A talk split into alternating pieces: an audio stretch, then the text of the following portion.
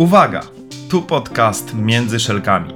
Ja nazywam się Adam Pluciński i serdecznie zapraszam Cię do mojego świata. To miejsce, w którym usłyszysz o wielu błędach, jakie w ostatnich kilkunastu latach popełniłem w sprzedaży, co kosztowało mnie w sumie ładnych parę milionów. I o tym, jak cały czas uczę się na błędach zarządzać zespołami. Zebrałem doświadczenie z setek firm, osób w nich zarządzających i tysięcy handlowców, z którymi przez większość mojego życia zawodowego miałem przyjemność pracować, wspierając ich w rozwoju. Jeżeli na co dzień zajmujesz się sprzedażą lub zarządzasz zespołem, to ten podcast jest właśnie dla Ciebie. Zapnij pasy, usiądź w fotelu lub połóż się wygodnie i wykorzystaj ten czas, bo to Twój czas na rozwój. Zapraszam Cię serdecznie, Adam Pluciński. Odcinek 9. Szefie, Twój pracownik nie wie, czego od niego oczekujesz. Dzisiejszy odcinek skierowany jest nie tylko dla menedżerów, którzy dopiero rozpoczynają swoją ścieżkę kariery, ale w szczególności dla tych menedżerów, którzy już od wielu lat zarządzają. Jako menadżerowie przez wiele lat zapominamy o podstawowych rzeczach w kontekście komunikacji i zarządzania. I okazuje się, że po pewnym czasie nasi pracownicy nie do końca wiedzą, czego oczekujemy. Zapraszam Ciebie, drogi menadżerze, droga menadżerko, do odsłuchania merytorycznej części dziewiątego odcinka podcastu Między Szelkami.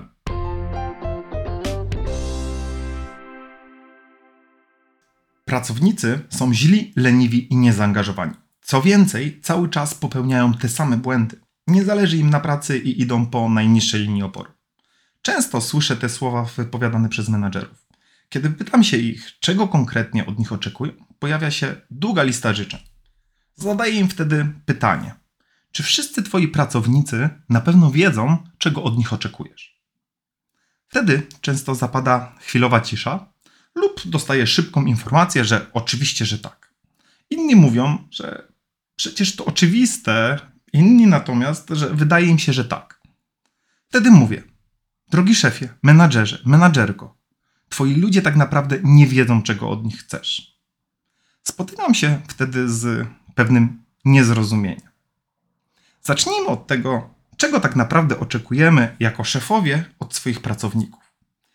No i teraz, jeżeli zadaję to pytanie menadżerom, pojawia się ta długa lista życzeń, o której wspominałem, no i pojawiają się takie rzeczy jak odpowiedzialności, współpracy, szacunku, otwartości, sumienności, kreatywności, terminowości, uczciwości, rozwijania się, bycia fair, zaufania, dobrej pracy, szczerości, dobrej komunikacji, skupienia, realizacji celów, chęci rozmowy, inicjatywy, mówienia wprost, elastyczności, etycznego postępowania, samodzielności, no i mojego ulubionego zaangażowania.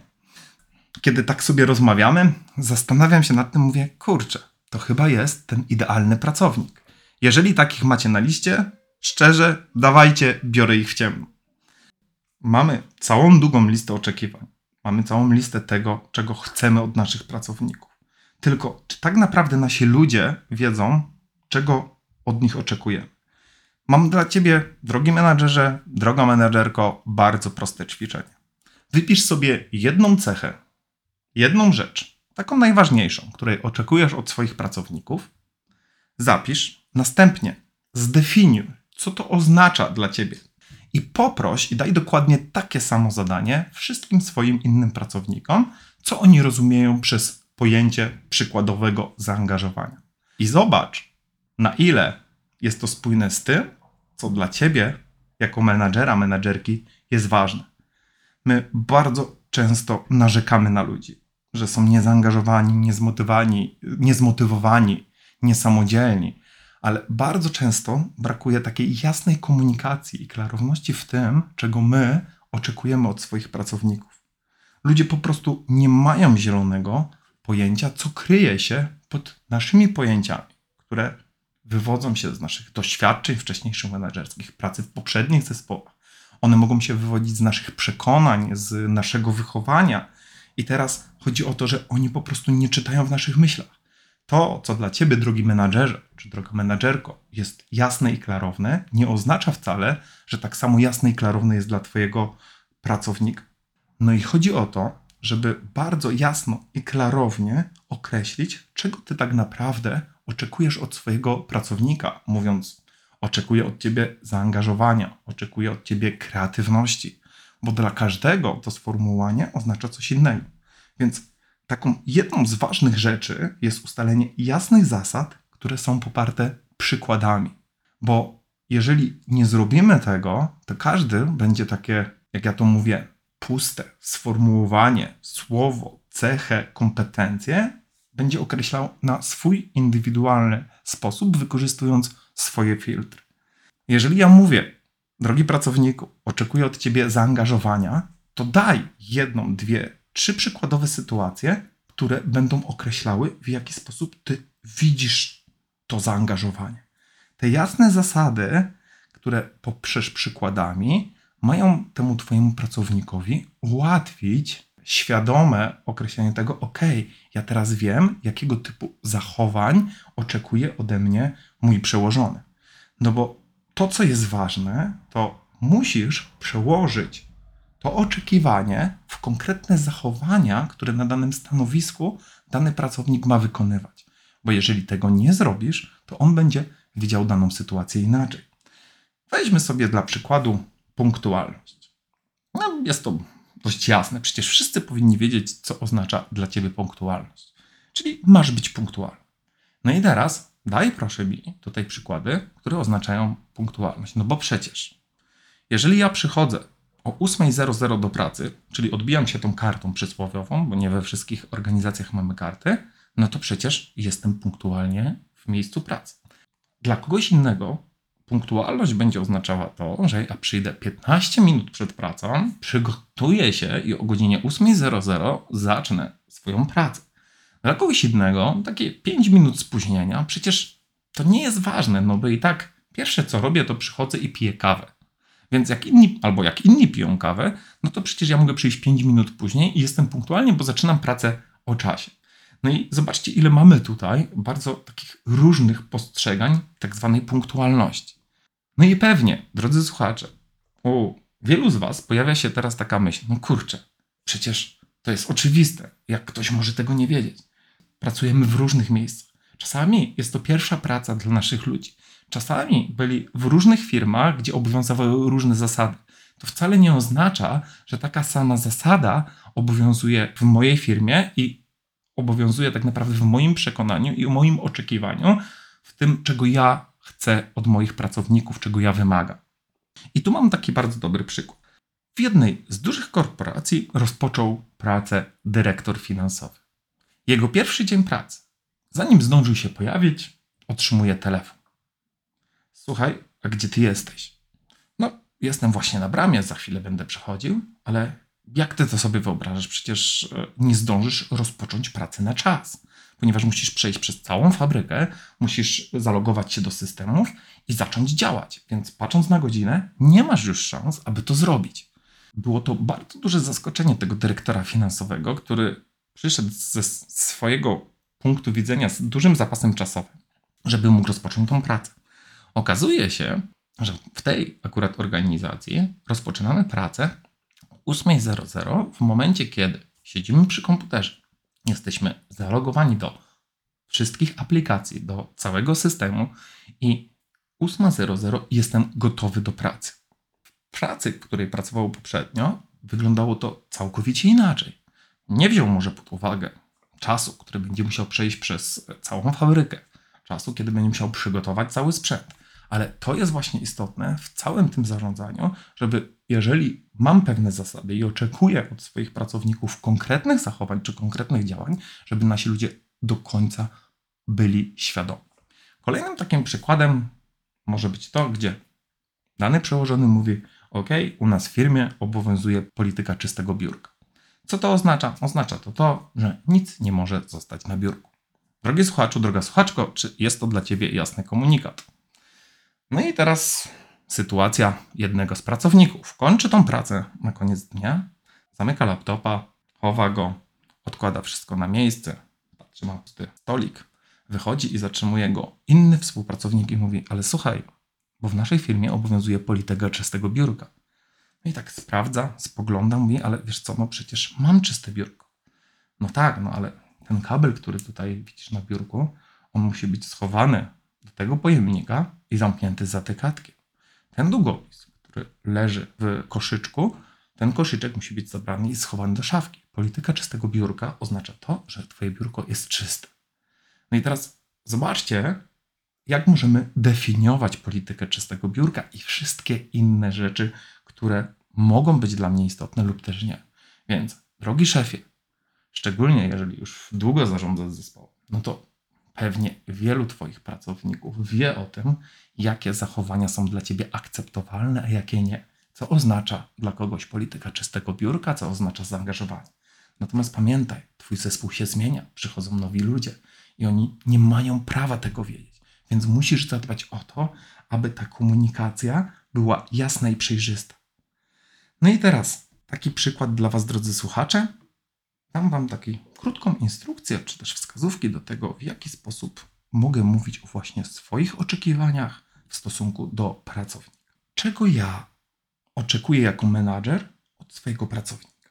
Punkt pierwszy. Powiedz o swojej intencji i motywacji. Czyli wyjaśnij, zanim zaczniesz udzielać pewnych wyjaśnień dotyczących swoich oczekiwań, jaką masz intencję i jaka jest motywacja za tym stoi. Dlaczego? Dlatego, żeby Twój pracownik też ze spokojem przyjął tą informację i dokładnie wiedział, że w Twoim gestii leży to, żebyście się lepiej komunikowali, lepiej zrozumieli, żebyście uniknęli wielu nieporozumień na początku Twojej współpracy. Drugi punkt. Określ, czym dla Ciebie jest zaangażowanie, czym dla Ciebie jest kreatywność, czym dla Ciebie jest punktualność. Chodzi o to, żeby dokładnie Twój pracownik wiedział, co dla Ciebie oznacza właśnie ta cecha, czy to działanie, którego wymagasz. Punkt trzeci. Pokaż jeden, dwa przykłady, które obrazują sytuację lub też konkretne zachowania, które właśnie świadczą o tym zaangażowaniu. Punkt czwarty. Pokaż jedną lub dwie sytuacje, dwa zachowania, które w Twoim odbiorze nie świadczą o tym zachowaniu, które jakby są po drugiej stronie, czyli tego, czego nie akceptujesz. Tak samo jak z jednej strony mówisz, OK, ja poprzez zaangażowanie widzę to, to i to, ale brak zaangażowania określam w taki i w taki sposób. Punkt piąty, powiedz, podaj powody, dlaczego jest dla ciebie właśnie ważne to, albo dlaczego ważne jest to dla twojej firmy. Chodzi o to, żeby twój pracownik widział też sens w tym, co ma robić, dlaczego tak ma robić, albo dlaczego jego zachowanie ma być inne.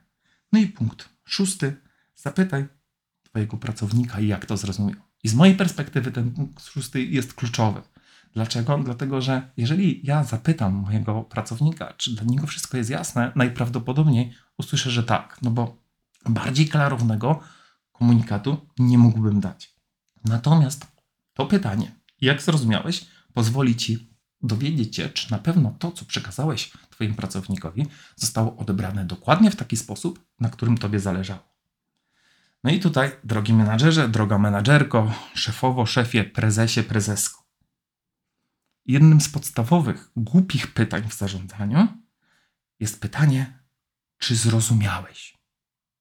Ponieważ kiedy zadaję to pytanie naszym pracownikom, no, mam, daję mu możliwość odpowiedzenia, tak, zrozumiałem i jak jeszcze pracownik ma odwagę, to usłyszę, nie, nie zrozumiałem, potrzebowałbym dodatkowego wyjaśnienia.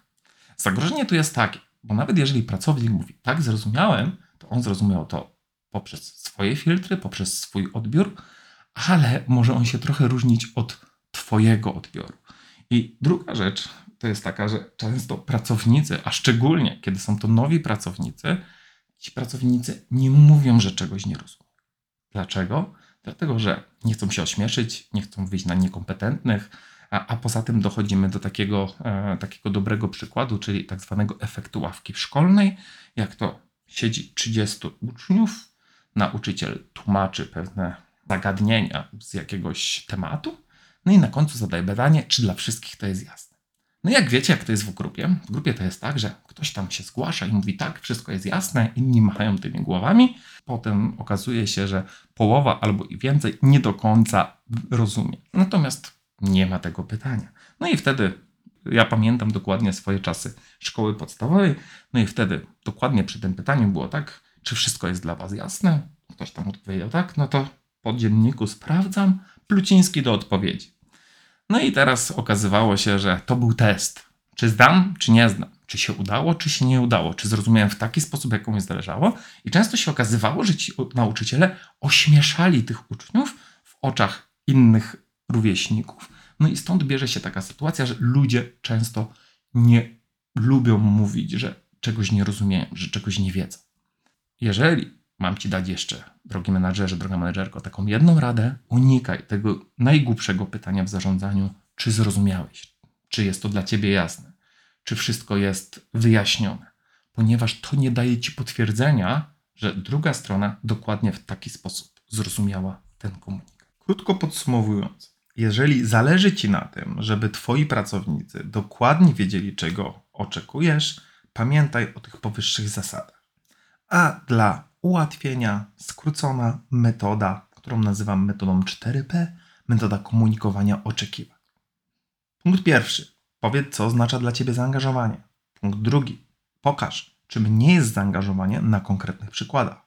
Punkt trzeci. Poinstruuj, w jaki sposób pracownik na swoim stanowisku może realizować swoje zadania, aby zrealizować założenia na przykład zaangażowania. Punkt czwarty. Pytaj, jak to zrozumiał. Ta metoda jest bardzo prosta, natomiast wymaga ona dużego zaangażowania z mojej strony. Dlaczego? Dlatego, że powinienem bardzo dobrze przygotować się do tego, w jaki sposób i jakimi przykładami pokażę moim pracownikom, dlaczego właśnie zależy mi na tym. Dlaczego, jakich ja konkretnie zachowań wymagam, jakiego działania ze strony mojego pracownika oczekuję, jeżeli mówię o kreatywności. Bo, drogi menadżerze, droga menadżerko, zadaj sobie pytanie, czy na pewno Twoi ludzie wiedzą, czego Ty od nich oczekujesz? Bo to, że ja chcę, żeby ludzie byli zaangażowani, żeby chcieli, chciało im się chcieć, żeby dobrze się komunikowali, co to w ogóle oznacza dobra komunikacja.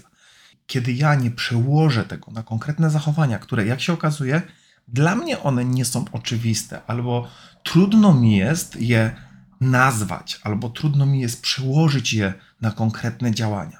No to jak, drogi menadżerze, droga menadżerko, twój pracownik ma to zrobić? Dlatego też, mimo prostoty tej metody, czy poprzedniego modelu, który był trochę dłuższy i zawierał więcej elementów, to jest praca, którą warto wykonać, bo tą pracę, którą wykonasz teraz, będziesz mógł przekładać na kolejnych pracowników, którzy będą dołączali do Twojego zespołu.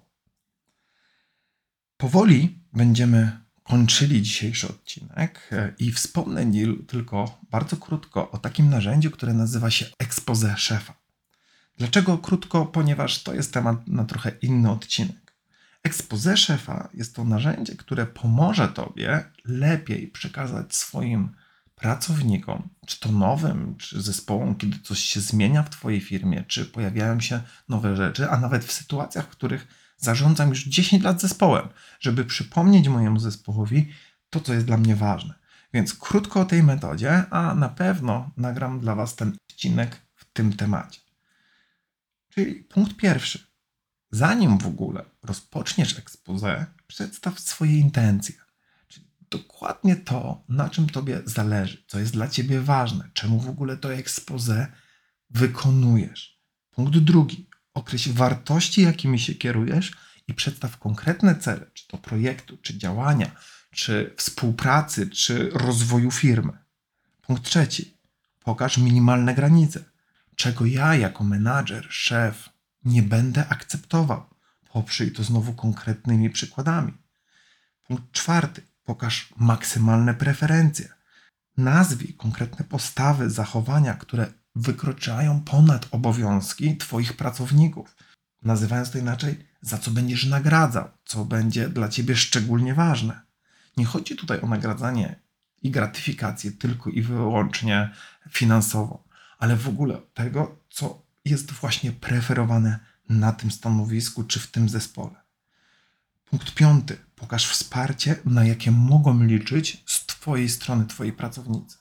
I myślę, że to jest jeden też z kluczowych punktów, na których warto się skupić, zastanowić się i co więcej, w dalszym czasie realizować to, do czego się zobowiążesz. I oczywiście kolejny punkt, czyli punkt szósty, daj pracownikom przestrzeń do pytań.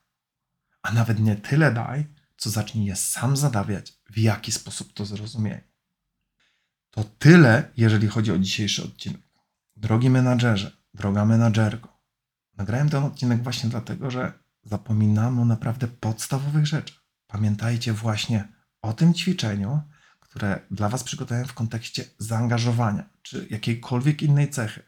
Zapiszcie sobie dokładnie, co dla Was to oznacza i pokażcie to samo ćwiczenie swoim ludziom, aby oni zapisali. Wtedy zobaczycie, jak różnie postrzegamy pewne działania. I na koniec podam Wam taki jeszcze krótki przykład, zanim podsumujemy. Prowadzę szkolenie dla dużego działu HR. W sumie ponad 20 osób. Zadaję pytanie dotyczące tego właśnie zaangażowania. I mówimy sobie właśnie o tych różnicach, jak ludzie postrzegają na różne sposoby. Jedna z osób, jeden z dyrektorów odzywa się, ale przecież w naszej firmie i w naszym dziale wszyscy dokładnie wiedzą, co oznacza zaangażowanie. Ja wiem, dobry moment. W takim razie robię szybkie ćwiczenie, żeby każda z 20 osób powiedziała, w pierwszej kolejności zapisała, a potem powiedziała, co oznacza dla nich zaangażowanie.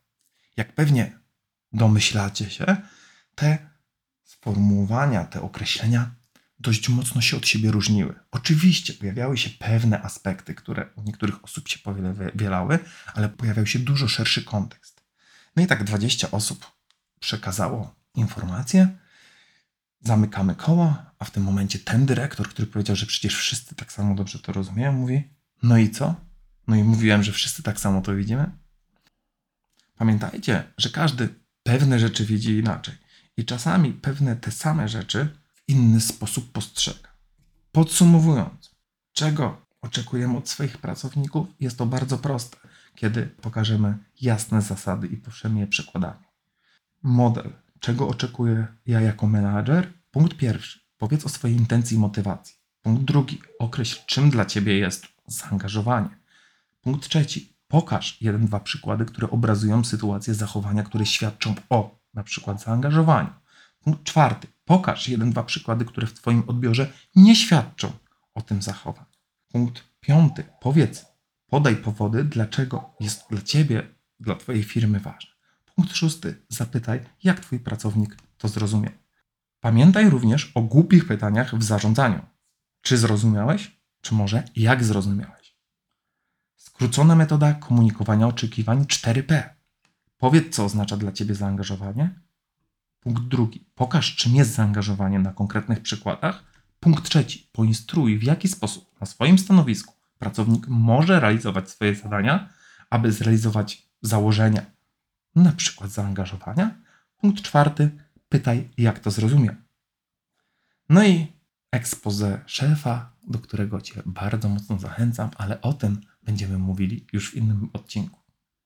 Bardzo Wam dziękuję za dzisiejszy odcinek. Jeżeli materiał w nim zawarty był dla Ciebie inspirujący, ciekawy, dał Ci pewną wskazówkę do rozwoju, przyniósł Ci konkretną wartość, to proszę, zasubskrybuj ten kanał na jakimkolwiek urządzeniu odsłuchujesz dzisiejszy odcinek i pozostaw swój komentarz, bo te komentarze dają mi informację, że cały czas słuchacie, aktywnie bierzecie udział i do zobaczenia w kolejnym odcinku podcastu Między Szelkami. Pozdrawiam serdecznie, Adam Pluciński.